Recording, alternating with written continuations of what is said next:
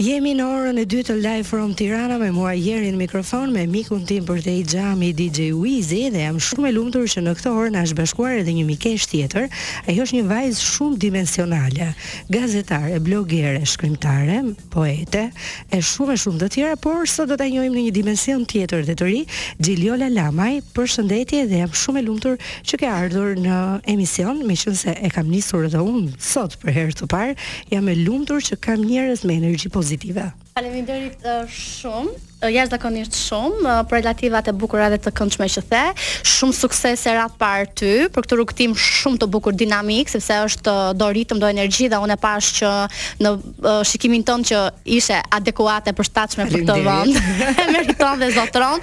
Jo vetëm për kaq, por të shkon për shtat edhe shenja se je për këtë je kësa i adap e, e, e kësaj pune e këti pasioni edhe profesioni mbi të gjitha po është e vërtet faleminderit shumë në radhë të parë suksese të gjithëve për këtë vit viti ka nisur edhe për ty gjithashtu por përpara se ndalemi tek shenjat në veçanti në një të përgjithshme. Viti ka nisur me energji, si, si me energji bombastike, uh -huh. domethënë nga ai fundi i dhjetorit ka qenë në uh, Merkuri retrograd o zot i madh, nuk e di gjithë ato goditje që kena marr, jo vetëm unë personalisht, por përgjithsisht janë marrë ca vendime shumë të nxituara që unë e kam thënë gjithmonë që duhet të jemi shumë të kujdesshëm, por pastaj pasi përfundoi dhjetori, hyrëm në janar edhe aty u kuptua ky çlirim i energjisë negative që uh, prapaskenat që kemi patur, ngecjet, uh, vonesat, i lamë pas dhe tani jemi gati të gati për të përqafuar çdo gjë të bukur dhe çdo gjë të re që ne e duam në në jetën tonë.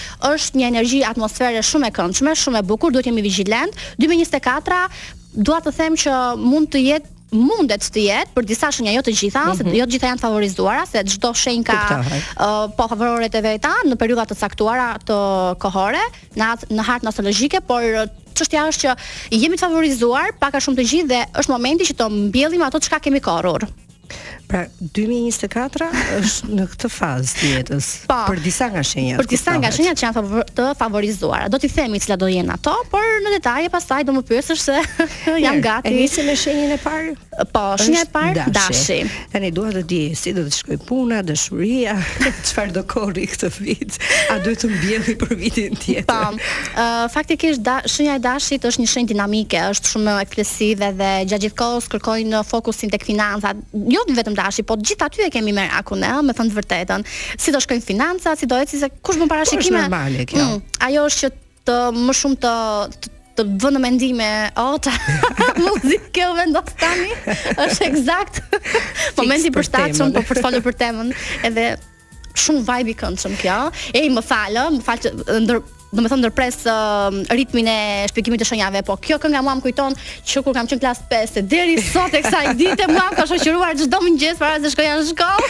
Dhe jo vetëm ty, por të gjithë ne. Të gjithëve, është shumë e këndshme si. Dhe madje, meqense e bëmë këtë pauzën dhe meqense DJ Wizi na vendosi në një gjendje uh, të bukur, domethënë, unë po mendoja këtë që të gjithë njerëzit, edhe pse ka nga ata skeptikët që thonë po unë nuk besoj te shenjat, prapë janë aty për të dëgjuar, jam e bindur për këtë. Po, prapa skenave, pas kuintave dëgjojnë ato, është e vërtetë, i hapin sytë, veshët katër, pastaj nuk thonë, shiko, unë uh, parashikoj faktin që uh, nuk duhet të jemi çfarë ndodhi sot dhe nesër, se mm -hmm. atë s'e di askush, veç Zoti atje lart.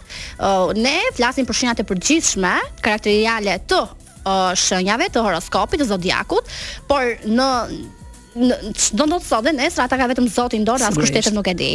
Por për të bërë një prognozë astrologjike të shënjave, uh, dashin e nisëm dhe e thamë që do prevalojë tek uh, fakti që financat do jenë fokusi i tyre, ka qenë, do jetë fokusi i tyre, do jenë më të stabilizuara këtë këtë dy mijë e njëzet e katër do jenë më të fokusuar për të marrë dhe iniciativa të reja të tjera që dashi e ka për natyrë që të jenë shumë fokusuar mbi punën dhe dëshirat dëshirat e tyre se ata kanë këtë faktin që pasionin e kthejnë mm -hmm. në punë dhe ndonjëherë puna nuk duket shumë e lodhshme sepse e bëjnë me pasion dhe kjo është ajo që dashi ta bën shumë mirë e ka gjetur çelësin e suksesit po është e vërtetë nga dashuria si do të jetë dashi këtë periudhë dashi është pak me halucinacione por Po, shiko, të gjitha shënjat do ta shikojnë uh, domethënë të mirën e tyre do ta do ta zbulojnë mbas majit. Mhm. Mbas mm -hmm. majit do ketë dit, për të gjitha shenjat ditë të bardha në dashuri do flasim. Mm -hmm. Po, do do ketë përmirësime. Është në aludime akoma, është në peshore si thua që as po, as jo.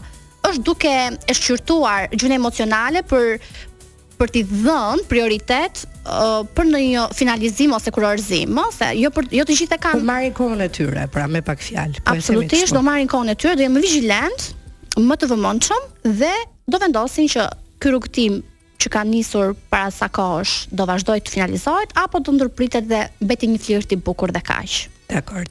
Ta ta ta ta, shenja e dytë, demi. demi.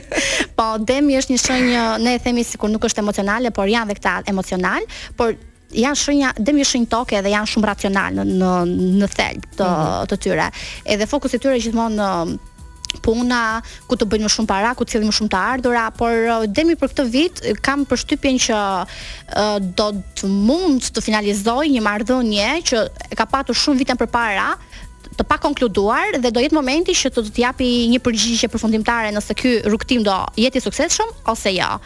Ë ndërsa për sa i përket bashkëpunimeve që ata mund të krijojnë rreth e përqark me njerëzit ku punojnë, ku jetojnë, ku ku zhvillohen dhe rriten dhe kontratat e të gjitha këto momentet e bashkëpunimeve është momenti që ata të vendosin për një bashkëpunim, për një relacion, për një marrëveshje, për një kontratë që do të duhet në në CV-n e tyre ose në mbarëvajtjen financiare të tyre. Pra, është momenti që çdo gjë, tani nga janari kemi energji shumë të hapur, të vendosim çfarë uh, është më e mira për të bërë si në financa, por edhe në aspektin e dashurisë, pra, emocionale. Duhet edhe pak guxim për të marrë këto lloj vendime, kështu që duhet edhe të guxojë demi. Po, po, shiko, po, por ne i themi shenjat në përgjithësi, por janari është pak, si me thënë, duhet vihesh përballë gjithë vitit mm -hmm. dhe ti fillon dhe shqyrton Se si do të eci viti në vazhdim, ne nuk mund të japim përgjigjen definitive që në janar, ne japim një rrugëtim të shk të të shkurtër, të shkëputur nga pak për secilën shenjë, në vija të përgjithshme çfarë ne na intereson të themi për secilën. Mirë, Ola, ne okay. do ta ndërpresim për pak, do të shkojmë tek uh, reklama dhe do të rikthehemi me binjakët.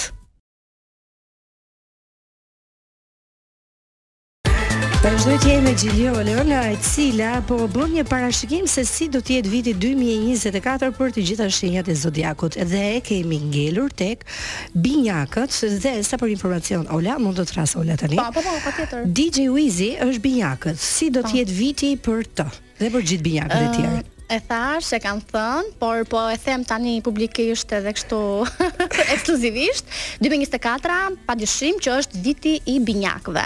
Që të oh, ah, bravo, bravo. një duartrokitje. që është viti më më i mirë, më i shëndetshëm mentalisht, emocionalisht, fizikisht, Në çfarëdo lloj aspekti i binjakëve. Binjakët janë lodhur, stërmunduar, si në raportet marrëdhënore, dashurisë po flasim, në aspektin sentimental e me ato që kanë patur, dhe në financa sigurisht kanë patur ulje drastike të vazhdueshme muaj pas muaj, ia e kanë vuajtur këtë fakt edhe nuk janë ndjerë mirë, gati dhe mos themi ndonjëherë në në ankth depresioni për ta për të dalë nga situata dhe kanë gjetë mënyra se si t'u shmangin këtyre lloj situatave të këqija, por Nuk kanë qenë planetet në të favorizuara për këto lloj shenjash dhe tani është momenti që binjaku të të gëzojë jetën në të gjitha sferat e veta dhe përgjithsisht unë mendoj që do ketë një jetë të shëndetshme sentimentale se kur je mirë mm -hmm. i, mhm. i plotësuar shpirtërisht mendoj që çdo gjë tjetër ecën vaj, se kjo është ajo që na pengon, ëh, se ok, ne po punojmë çdo ditë, zgjohemi dhe kemi një punë, kemi një detyrë, kemi një një finalizim në fund fare, evaluojmë edhe shikojmë që si shkoi dita, ok, mirë, do marrim një atë rrogë që na cakton, por ndryshe nga nga kjo herë Binjakët do kenë edhe oferta të tjera shumë të mira punësimi, do kenë kontrata që mund t'i vlerësojnë dhe të shikojnë që a më vlen të rri te ky vend i punës këtu, apo të marr iniciativa të reja për të bërë diçka ndryshe dhe për të sjellë më shumë të ardhura në veten time. Ndërsa në aspektin e ndjenjave të emocioneve, për të gjithë ata Bricjap për shembull që kanë patur një marrëdhënie të pakonkluduar, të pa të pa konkretizuar. Binjak apo bricjap tani kalove ke bricjap. Binjakët, ah, binjakët thashë unë. Jo, jo, okay. jo, bricjap është nga fundi. Jo, jo, binjakët. Se kaluam ne te bricjapat. binjakët thashë. Nice, nuk ka problem. Jemi te binjakët. Ja, absolutisht. Te binjakët po flasim për binjakët dhe thashë që në fillim që Jemi në një vit komunikimi, që mhm. binjakët e kanë, janë të lindur, janë është binjakët, janë shenja e komunikimit dhe nëse ka ndonjë shenjë që komunikon dhe flet dhe e ke nëpër auditoret televizive, janë vetëm binjakët. Nëse e pyet zakonisht ë uh, X uh, punëtor që të has në studio, çfarë je? Binjak. Edhe automatikisht ti shikon që është në pozicionin moderator, gazetar, ë uh, uh, një DJ, a diçka Patjetër që ia e lidh me me teknologjinë, me rrjetin komunikativ, me diçka që është patjetër uh, diçka komunikuese. Të këta, të janë të aftë këta. Ta luajnë, të luajnë bukur me fjalën. Pra e thamë pak a shumë për binjakët, ky vit është, është i konkluduar për ta dhe është adekuat dhe e gjithë energjia do do të shkojë tek ata. Ë uh, theksoj që pas majit, sepse në maj fillon uh, periudha e binjakëve, mm -hmm. pas majit do të kenë uh, parë të gjitha frytet e punëve që dikur kanë uh, mbjellur. Do marrin çfarë ata kanë dashur, çfarë ata kanë punuar gjatë gjithë kësaj kohe, ata do t'i marrin këtë periudhë këtë vit. E siç thot populli i duruari, i fituari. I fituari. Tani do të shkojmë te Gafore. Gafore. Je, je edhe ti një gafore. Unë jam një gafore, po, dhe është e vërtet, jam shumë emocionale, shumë energjike, kështu me radhë, po unë ndonjëherë më ngatërrojnë të tjerët se më thonë ti s'dukesh ndonjëherë si gafore, dukesh më shumë si Luan, po jo, s'ka lidhje, se kemi dy gafore, qershor e korrikut, dy lloj karakteristikash gafore, se ka gafore që janë shumë të individuara, janë të qeta, janë të urta dhe unë jam mm -hmm. ajo eksplosivja, normal. Në fakt të gjitha gaforet, femra që kam njohur dhe i kam në jetën time janë si ty. Janë shpërthyese. Po kjo është si zjarri, përfaqësuese e shenjës së gafores, e shumë e shumë të tjera që janë dinamike në, në vetvete, por kjo s'do të thotë që ato nuk kanë momentet e tyre të qetësisë edhe të, të meditimit edhe të private, të mm -hmm. themi që mendojnë, i shqyrtojnë dhe i sqarojnë në çështjet e tyre emocionale. Tani për pjesën e Gafores. Gaforja ka këtë tendencën që duhet të punojë pafundësisht të lodhet, të strapacohet për ta arritur atë ditë të bardhë e shkreta gafore, por që ia arrin që ç'ke me atë punë, sepse gaforet futen tek shenjat kardinale, se kemi katër shenja kardinale dhe mes tyre është dhe gaforja.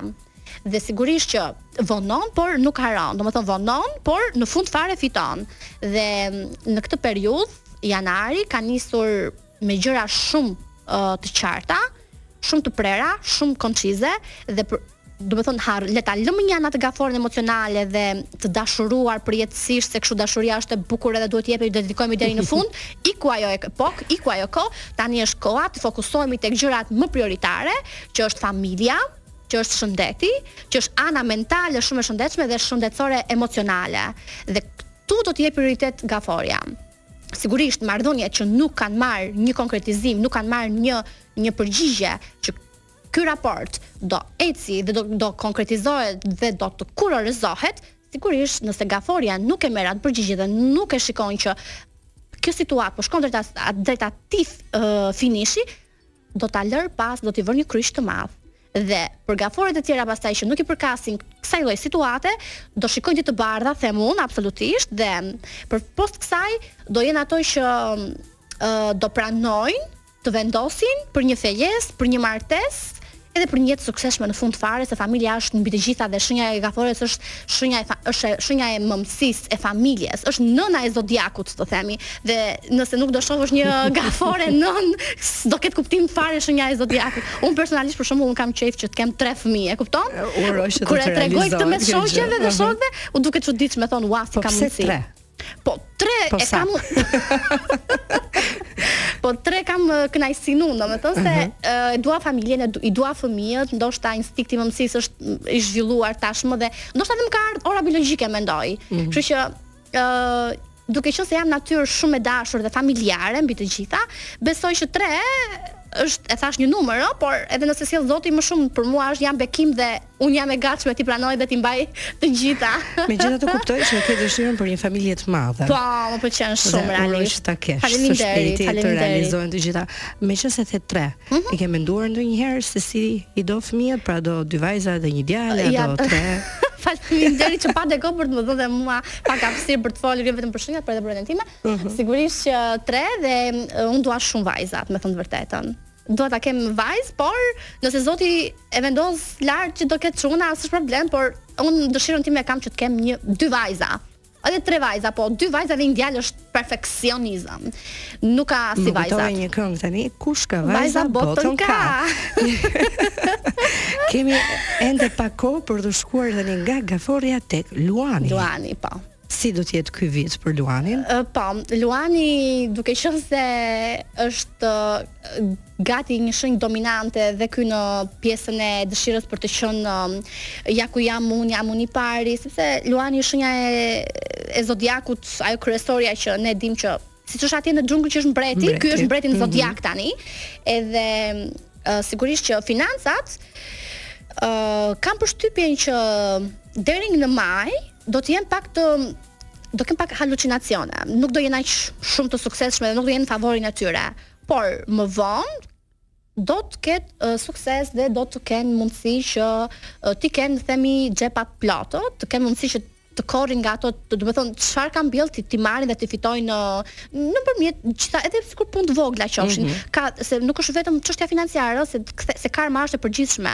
Do të kemi parasysh nëse Bricja, ky më fal se më ngjitet si Brcjapi mua në në tru. Bija ket.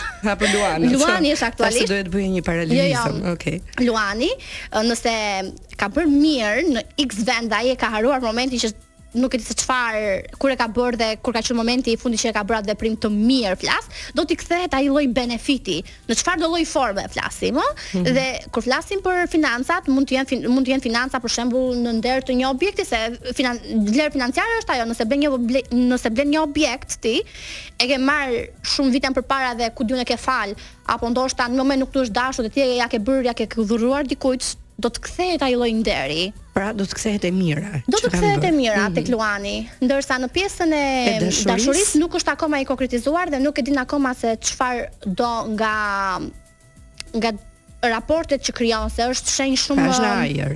Është në ajër, është shenjë zjarri dhe duke qenë shenjë zjarri është shenjë dinamike dhe e ka të pak të vështirë për të vendosur kollaj në atë që do të marr, të të të, të, të marrë përsipër për ta konkretizuar një çështje dashurie ose jo.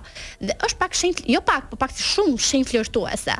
Dhe akoma nuk është në stadin që do vendosi do ta marr atë gocë që ia ka bërë me sy e me isharet apo do ta lër do ta lër akoma kështu në në ajër. Po, në 2024 do ta ndaj mendjen si përfundim Luani apo jo?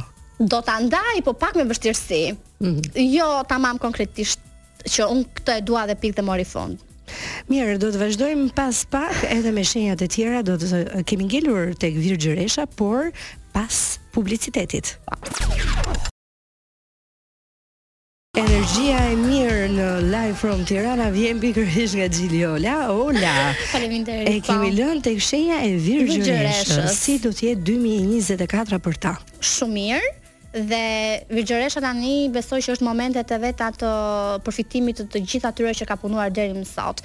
Virgjëresha ka qenë mirë, me thënë të drejtën, çfarë ka pasur në plan për të finalizuar i ka bërë shumë kohë përpara edhe nuk është se ka patur në një halucinacion emocionale që bobo si do t'ja bëjmë me këtë marrëdhënie ose me këtë tjetrën. Edhe financiarisht kanë qenë mirë Virgjëresha. Janë të prerë Virgjëreshët apo? Po, po. Pra nuk kanë shumë luhatje si shenjat e tjera. Nuk kanë luhatje emocionale Fare, zero nuk ekziston sepse janë shumë racionale, janë konkrete, edhe nuk e lodhin trurin po të vënë në peshore këtë që kanë patur apo këtë ishin apo këtë eksin apo këtë ku di un çfarë, nuk ngatërrohen në këto lloj situacionesh sepse u intereson që çfarë është logjike dhe çfarë është racionale dhe çfarë është konkrete, japin prioritet. Që të kenë jetë të shëndetshme dhe janë të zgjuara virgjëreshat ato, nuk nuk gabojnë kështu. Jo se ne gabojmë që jemi emocionale. Dhe në rastin konkret virgjëreshët janë duke mhm. shijuar gjitha ato frytet që kanë pas punuar dikur, që kanë janë përpjekur për të realizuar çdo lloj gjëje si në ëndrrat, si në aspirata, si në si në mbarëvajtjet e punës me kolegët, si në aspektet um, marrëdhënore, dashurore, të themi me me partnerët e tyre, i kanë konkretizuar dhe i kanë finalizuar. Vetëm se kanë këtë, janë duke shijuar virgjëreshët gjithë atë shkëlqimin e tyre që kanë dashur ta marrin dhe e kanë marrë. Vetëm se kanë këtë, janë detajistë të jashtëzakonshëm ë dhe Kjo është e vërtetë tani që po, po, po, po mendoj. Po, shumë detajistë të jashtëzakonshëm dhe unë jam detajiste, po jemi përgjithësisht po jo kaq në në detaje të të parëndësishme që nuk duhet t'i japësh fare rëndësi. Dhe janë, domethënë, të pakënaqura, po sikur ta kisha bërë çik më mirë këtë se e çova deri aty ku duhej bërë, po domethënë çaloi, çaloi deri diku edhe nuk u realizua. Janë, domethënë kërkojnë më të mirën e maksimumit të tyre. Po, janë ok, nuk është se kanë ndonjë problem. Ndihen rehat, komod. Ndihen rehat dhe besoj që ato që s'e kanë s'kanë finalizuar diçka në aspektin emocional flasim se kjo është financa dhe dashuria, këto janë kryefjala e horoskopit që diskutojmë sot edhe 100 vjet përpara. Këtu e kanë gjithë merakun gjithë shenjat e zodiakut. dhe kuptohet arsyeja pse. Po. Shkojmë tek peshorja. Po, peshorja. Peshorja si shenjë ajri, e kam thënë herë të tjera, ka qenë um, um, të qafsha moj shegë. Dhe ta mendosh, peshorja duket sikur do jetë një ekuilibrues do thua. Ekuilibrues shumë i mirë, por po. jo. Jo. Janë gjithkohës në ajër, janë a fantazikë. Po janë shumë fantazikë, janë fa shumë fantashkencorë, idealizojnë pafund. Okej, mirë, në profes janë shumë profesionalë në punën që bëjnë, janë shumë uh, okej në profesionin që që ushtrojnë, por kanë këtë tendencën që do ketë edhe më mirë ndoshta mund ta marr një vendim ndoshta edhe pak më më duhet edhe më shumë kohë, për ta shty dhe nja 5 vjet, po edhe po sikur ta shtyja dhe një çik më shumë. Çau, po dhe te fundi e kupton. Dhe u mbet koha duke menduar dhe duke imagjinuar sa mirë do ishte sikur ta shtyja edhe pak edhe ndoshta marr vendimin e duhur, por në fund fare ia fusin kot fare dhe marrin një vendim të gabuar që aman taksirat se unë u lodha që u lodha, po ça t'bëra se ky më doli në shteg mua. Jo, Tani ti po e mendon dhe po e shtyn këtë kamer. Mendoje seriozisht të paktën. Merre në avantazhin tënd për të marrë jetën tënde përsipër dhe tamam siç duhet. Nuk është se ka qenë e favorizuar peshorja me thënë të vërtetën, ë, janë lodhur shumë peshoret. Ë, uh, për shembull, uh, në rrjetin tim shoqëror kam patur edhe nga ato peshore që kanë janë të emigruar jashtë dhe u është dashur shumë për, ka patur shumë probleme për e dokumentacioneve dhe u është dashur shumë kohë për t'i për t'i marrë ato, për t'i vulosur, për të marrë një përgjigje pozitive, qoftë nga ana shëndetësore, edhe ka pat mirë raste që kanë hec, po ka pat nga ato raste që ka lënë me pasoja Covidi, e kupton? Edhe mm -hmm. vuajnë akoma pasojat e Covidit se ne ne flasim për horoskop, po duhet kemi parasysh që marrim një periudhë shumë të përgjithshme kohore, se nuk është vetëm Hajt po flasim për janarin, është në vija të përgjithshme horoskopi dhe duke qenë se peshoret i kanë vuajtur pak këto lloj eh, problematika që kanë patur, po shpresoj të kemi diçka pozitive, kuptohet, po për shenjat e tash edhe ritheksoj edhe një herë, pas majit do ketë diçka ndryshe. Dhe në periudhën e peshores diçka ndryshe për mirë. Për mirë, diçka pra, ndryshe pozitive, pozitive absolutisht dhe peshoret në aspektin e dashurisë nuk i kemi as në tokë, as në qiell as në tokë, domethënë janë ajër. Janë midis. Janë midis, po. As në qiell as në tokë dhe janë akoma duke menduar uh, nga hera e fundit ku e ka lënë atë reticencën që ça do bëj. Edhe janë në pyetje. Çfarë do bëj, po ndërkohë ia ka futur gjumit. Po, edhe ia ka futur gjumit dhe ca s'e kanë, nuk e di, janë pak të të çorientuar, jo të mhm. organizuar si duhet peshoret kësaj here. Dhe është momenti për Akrepi. Po, Akrepi. Hajde, shkojmë te shenja jote tani. po, e vërtetë, shenjë uji, absolutisht, dhe akrepi, me thënë të vërtetën, ka vuajtur dhe ka hequr në zi. Se ke folur aq shumë për akrepin, kështu shumë. Realisht po, dhe kur e them kështu akrepi. Ai shumë ka vujt me motor çka të të them dhe unë këtë e marr nga nga konfirmimet që në rrethin tim shoqëror që më thonë nuk jam mirë, nuk kam qenë mirë, kam i kam pasur vonesa në dokumentacione, kam pasur vonesa në marrëdhëniet e tyre uh, dashurore, nuk kanë qenë rehat shpirtërisht, nuk kanë qenë aty ku duan të jenë, sepse akrepët kanë tendencë që të punojnë, të luftojnë, domethënë luftojnë pafundësisht për të arritur atë ditë të bardhë, ta shikojnë dhe ta shijojnë. Përpjekje të pafundshme që në fund fare Se, ok, robi bën përpjekje, po, domethënë pret që të marrë benefitin, të mhm. të marrë diçka të, të hajrit, të marrë në fund fare atë ta shijojë vlerën, produktin e po, punës po, vet. e punës që ka që kanë bërë. Edhe duke qenë se s'e kanë marrë, tani është pikërisht momenti për të marrë çfarë ata kanë dashur gjatë gjithë kësaj kohe për të arritur dhe realizuar në jetën e tyre, si në aspektin financiar dhe në aspektin emocional. Flasim për akrepët që Duke qenë se akrepët janë shenja që i japin prioritet dhe miqve të tyre, suportojnë, mbështesin, ndihmojnë. Tani fokusi është vetëm vetja. Do kthehen nga vetja dhe sigurisht kur ti kthehesh nga vetja dhe në radhë të parë do veten, admiron dhe i jep fuqi vetes, ke mundësi të mbash dhe rrethin përqark, por kësaj here akrepi i është dedikuar vetëm vetes së vet dhe do arrijë të gjitha qëllimet që i ka vënë vetes dhe sigurisht akrepin jemi duke e parë duke ecur sa më lart. Domethënë është në atë, e ke parasysh ato rrahjet e zemrës? Mm -hmm. Dhe rrahjet e zemrës kur fillon akrepi që bie në tokë dhe goditet nga ato sulmet edhe ulet pulsi dhe tani është në shkëlqimin e vet akrepi dhe kam përshtypjen që do jetë uh, shumë uh, vit i shëndetshëm, flasim edhe emocionalisht dhe mentalisht edhe fizikisht për akrepin. Bravo dhe akrepët ndërkohë shigjetari. Po shigjetari, shigjetari që është uh, fiks si shigjetë që fluturon e godet edhe nuk e di se ku shkon, shpirt aventuresk. Edhe uh, pa diskutim një një shigjetar si femrat dhe meshkujt që idealizojnë pak gjërat, kupton? Mm -hmm. Dhe janë pakënaqur në ato që realizojnë dhe kërkojnë të bëjnë jetën e tyre. Janë shumë aventurier, por uh, shigjetari këtë periudhë, po flasim të paktën 6 mujorin e parë, se sigurisht, uh, se për 6 mujorin e dytë do shihemi edhe një herë tjetër ne, për të bërë një rezyme përfundimtare, uh mhm. -huh. po për uh, shigjetarin Duke qenë se edhe shigjetari ka hequr peripecira në jetën e tyre dhe përgjith, përgjithsisht meshkuj shigjetar që punojnë fuqishëm në atë gjën që duan të realizojnë dhe t'i, t'i marrin një finale të mirë atij qëllimi, ë um, pak vështirë. Domethënë, me halucinacione. Punojnë, por nuk është momenti i favorizueshëm që të marrin ato që ata kanë arritur deri tani. Janë në përpjekje sipër për të realizuar ato ëndrra që kanë pasur dikur, por akoma jo të merituara ose të konkluduara ose të të arritura ashtu sikur ne kemi dëshirë të shikojmë diçka që në fund fare duam një gjë pozitive në jetën tonë.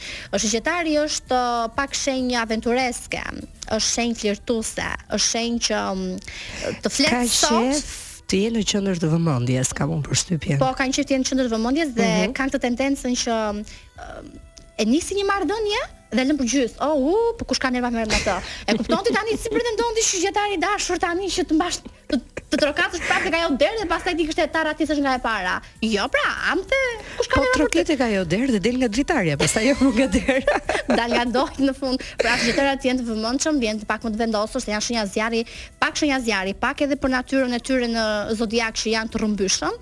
Mirë është ta marrin pak shtruar, uluni, uluni, uluni çik tempin e ritmit sepse edhe kështu ku po shkon? Avash se janë ja ca detyra, janë ja ca norma, janë ja ca rregulla që duhen zbatuar, duhen mbajtur, duhet të mbi durim mbi të gjitha se çdo gjë kështu me shkop magjik nuk i realizon dot. Kështu që shigjetar i dashur për femrat dhe meshkujt, po përgjithsisht meshkujt, duhet të jenë pak më të shtruar dhe më të kujdesshëm Në vendimet që do të marrin se kam hallë më del mos u del për hundësh. Kjo është ideja. dhe gjithmonë ti e bën këtë ndryshimin sepse brenda shenjës femra dhe mashkulli ndryshojnë. Ndryshojnë jo? absolutisht. Po, për femra ka qenë një vit shumë i suksesshëm, vjet flasim, super i suksesshëm edhe kemi patur raste që të shikojmë edhe nga televizioni, uh, histori të, të konkretizuara, dashurie shumë të mirëfillta dhe shumë të bukura që kanë shkëlqyer përpara televizorit. Shigjetarët din të shkëlqejnë, nuk ka nuk e vën diskutim. Por gjithë çdo gjë do kohën e vet. Dhe uh, duhet të jetë personi i duhur mbi të gjitha. Mirë, na kanë mbetur edhe tre shenjat e fundit, por ne do shkëputemi, do të shkojmë tek reklama dhe më pas do të kthehemi, kemi bricjapin, ujorin dhe peshqit. Pa. I'm in the big big up me jama jama. Kjo është radio që ti meriton. Na kemi. Vazhdoni të qëndroni me Live from Tirana dhe Top Albania Radio. Unë jam Jeri në mikrofon. Kam përballë meje mikun tim prej xhamit, siç do ta quaj tani më DJ Wizin dhe gjithashtu kam në krah Xhilio Lalamaj. Kemi mbetur e dashur tek tre shenjat e fundit për të parë se si do të jetë viti 2024 edhe për ta. Dhe tani jemi tek shenja ime, Bricjapi. Bricjapi. si do të jetë viti për Bricjapin? Bricjapi duke qenë se është një shenjë e dedikuar, e përkushtuar dhe e, e, e ka dhënë jetën tek puna, është shenja e punës. Uh, kësaj herë do të jepet i varur nga puna, e po, e themi publikisht. Po ky lloj varësie, nëse të tjerë kanë varësi nga nga dashuria ose nga drogat. Ne kemi nga puna. varur nga puna. Po çfarë po bën kam çik punë vajzë të flasim vonë. Punëra, punëra, kam punëra, punëra, kam çik të punë atë punë këtu, e nejsa. Edhe kësaj herë Bricjapin do ta shikojmë më të çelur se kurrë. Pra, Bricjapit do t'i dalin zemra nga sytë. Oh. dhe do jetë shenja më me, më fatsjellëse në aspektin e dashurisë. Uh, sigurisht që uh, kjo do vijë me kohën, uh, me muajt në vazhdim dhe uh, kam përshtypjen dhe besoj që ashtu në hartën time astrologjike, uh, Bricjapi uh, në gjashtëmujorin e dytë flasim, Do të marrë vendim, sepse bricjapët e kanë pak të vështirë për të marrë vendime kur vjen puna tek çështja e dashurisë, mm -hmm. por mhm. kësaj herë do ta bëjnë me me vetëbesim, me siguri dhe me bindje të plotë. Ë uh, për sa i përket uh, financave, i kanë shumë mirë, janë ok, janë të ekuilibruara, janë të balancuara, janë shumë mirë për ta, por aspekti i dashurisë është fokusi ku do të jepet prioriteti dhe do ta finalizojnë qoftë me ndonjë fejesë, qoftë me ndonjë martesë, qoftë me ndonjë lidhje dashurie, po të të konsoliduar. E po mirë është karakteristika në mendimin e Bricjapit po, që por, i hedh hapat njëra pas tjetrës, jo menjëherë, nuk nxiton. Po. Dhe ajo që uh, unë theksoj më tepër këtu është që uh, Bricjapi janë Bricjapi përgjithësisht janë shenja sapioseksuale. E them këto sepse nuk e kanë atë tendencën që të lidhen automatikisht me të bukurën. Jo gjithçka jo fizikisht jo, me personin. Jo bukura jo mhm. fizike mm -hmm. me personin, por ata kërkojnë që të penetrojnë një herë trurin, të shohin ça ça truri ke, çfarë sa bagazh ke, sa vlerë ke, pra duan një nivel, bricjapëve u pëlqen intelekt, ju pëlqen um, e folura këndshëm me standard, me nivel që të ketë informacion me bollëk që të dish se me kë të komunikosh, duhet kodi gjuhësor që të jetë në një nivel me ta që ti të përfitosh që të të dojë ai ty, të të, të bëjë pjesë të rangut vet shoqëror. Ta mbyll këtë pjesë si bricjape e denjë që jam ja. me atë që unë e them gjithmonë. unë, veshja më e bukur për njeriun është mm. mendja dhe shpirti, kështu që po. kaq ka rëndësi mendoj. Absolutisht po, në fund fare po. Se okay, dakord, E the, nuk kam çfarë diskutoj më, është ë uh, definitive. Shkojmë tek Ujori. Po. Ujorët uh, me thënë të vërtetën, po pa i mbajtur fare me hatër, mm. kanë për të parë benefitet më të mira që kanë dashur dhe kanë luftuar dhe kanë kërkuar gjatë gjithë këtyre viteve. do jenë shenjat më të favorizuara, duke u futur tek ato shenjat e favorizuara të vitit dy mijë e njëzet e katër që thamë binjak ujor, po binjaku do ishte i pari ujor. Ë edhe ujori bën pjesë te ky grupi këtu dhe do jetë shumë shumë i favorizuar në aspektin financiar, vendimarrjes në drejtimin e punës, të biznesit dhe kam përshtypjen që do marrë iniciativa të reja, që këto iniciativa do do t'i sjellin atyre frytet e punës që kanë dashur dhe ëndrruar në jetën e vet. Hmm. Dhe në aspektin shëndetësor i kemi shumë herë më mirë sepse ok, financa dhe dashuria, por kësaj herë edhe, edhe shëndeti, shëndeti mbi të gjitha do jetë uh, shumë i mirë dhe do t'i krijojë mundësinë ujorit t'i përvishet punëve për të marrë ato të mira që dikur nuk i ka marrë dhe është gati, jo vetëm që të marrë, por edhe të mbjellë akoma për të parë në vazhdimësi se si mund të vijë jeta dhe rrjedha e ngjarjeve, por kryesojnë tek shenjat fatsjellëse për 2024. Në aspektin e dashurisë, për ato që nuk janë të lidhur, do kenë romanca të reja dhe këto në varësi të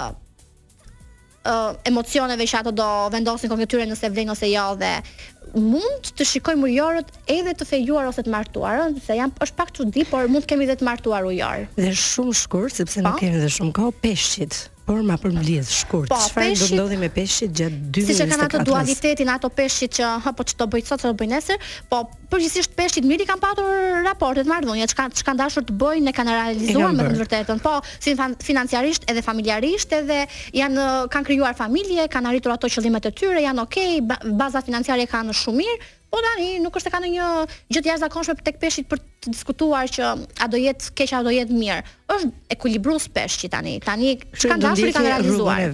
Po, është në në rrugëtimin e suksesit të rrugës së vet, të themi. Ola, unë të falenderoj shumë. Edhe unë të jashtëzakonisht. Unë kënaqem shumë që të pata në emision dhe po. do të të mirëpres uh, për shumë gjëra të tjera sepse kemi shumë tema për të diskutuar për sa i përket horoskopit. Ascendenti do ishte një ide shumë e mirë për një mhm. radhë tjetër. Po. Të falenderoj dashur edhe shumë suksese. Kënaqësi. Kur kalon njëri me golf dyshin s'e ka larë që në nëntëdhjetë e dyshin. Të hap xhamin dhe thotë. Dale, të vish për i xhiro.